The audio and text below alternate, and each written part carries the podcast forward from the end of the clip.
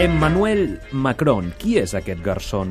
Eh, Veu Bourbon, menja bacon, balla Charleston, va de vacances a Saigon, li agraden els culebrons, és amic de Bill Clinton o d'un funambulista de Boston.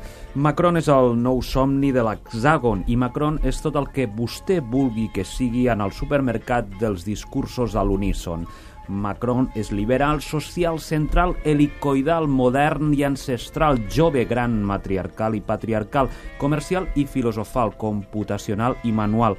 Macron és tot el que vostè vulgui, amic col·loquial, amiga comarcal, oncle colonial, àvia dominical, pare forestal, mare intel·lectual. Macron és revolucionari, vol posar en marxa el sector primari, el secundari, el terciari i també ressuscitar el quaternari i crear un món de somnis de cruzant publicitari, una França de còmics d'infància de balneari, un país de dibuix animat de traç fi, on tothom toqui el claxon i encengui un llumí, on tothom begui Don Perignon i aigua de banyeres de Luchon. Ai, Macron, que aquest món no existeix ni creant un exèrcit de clons.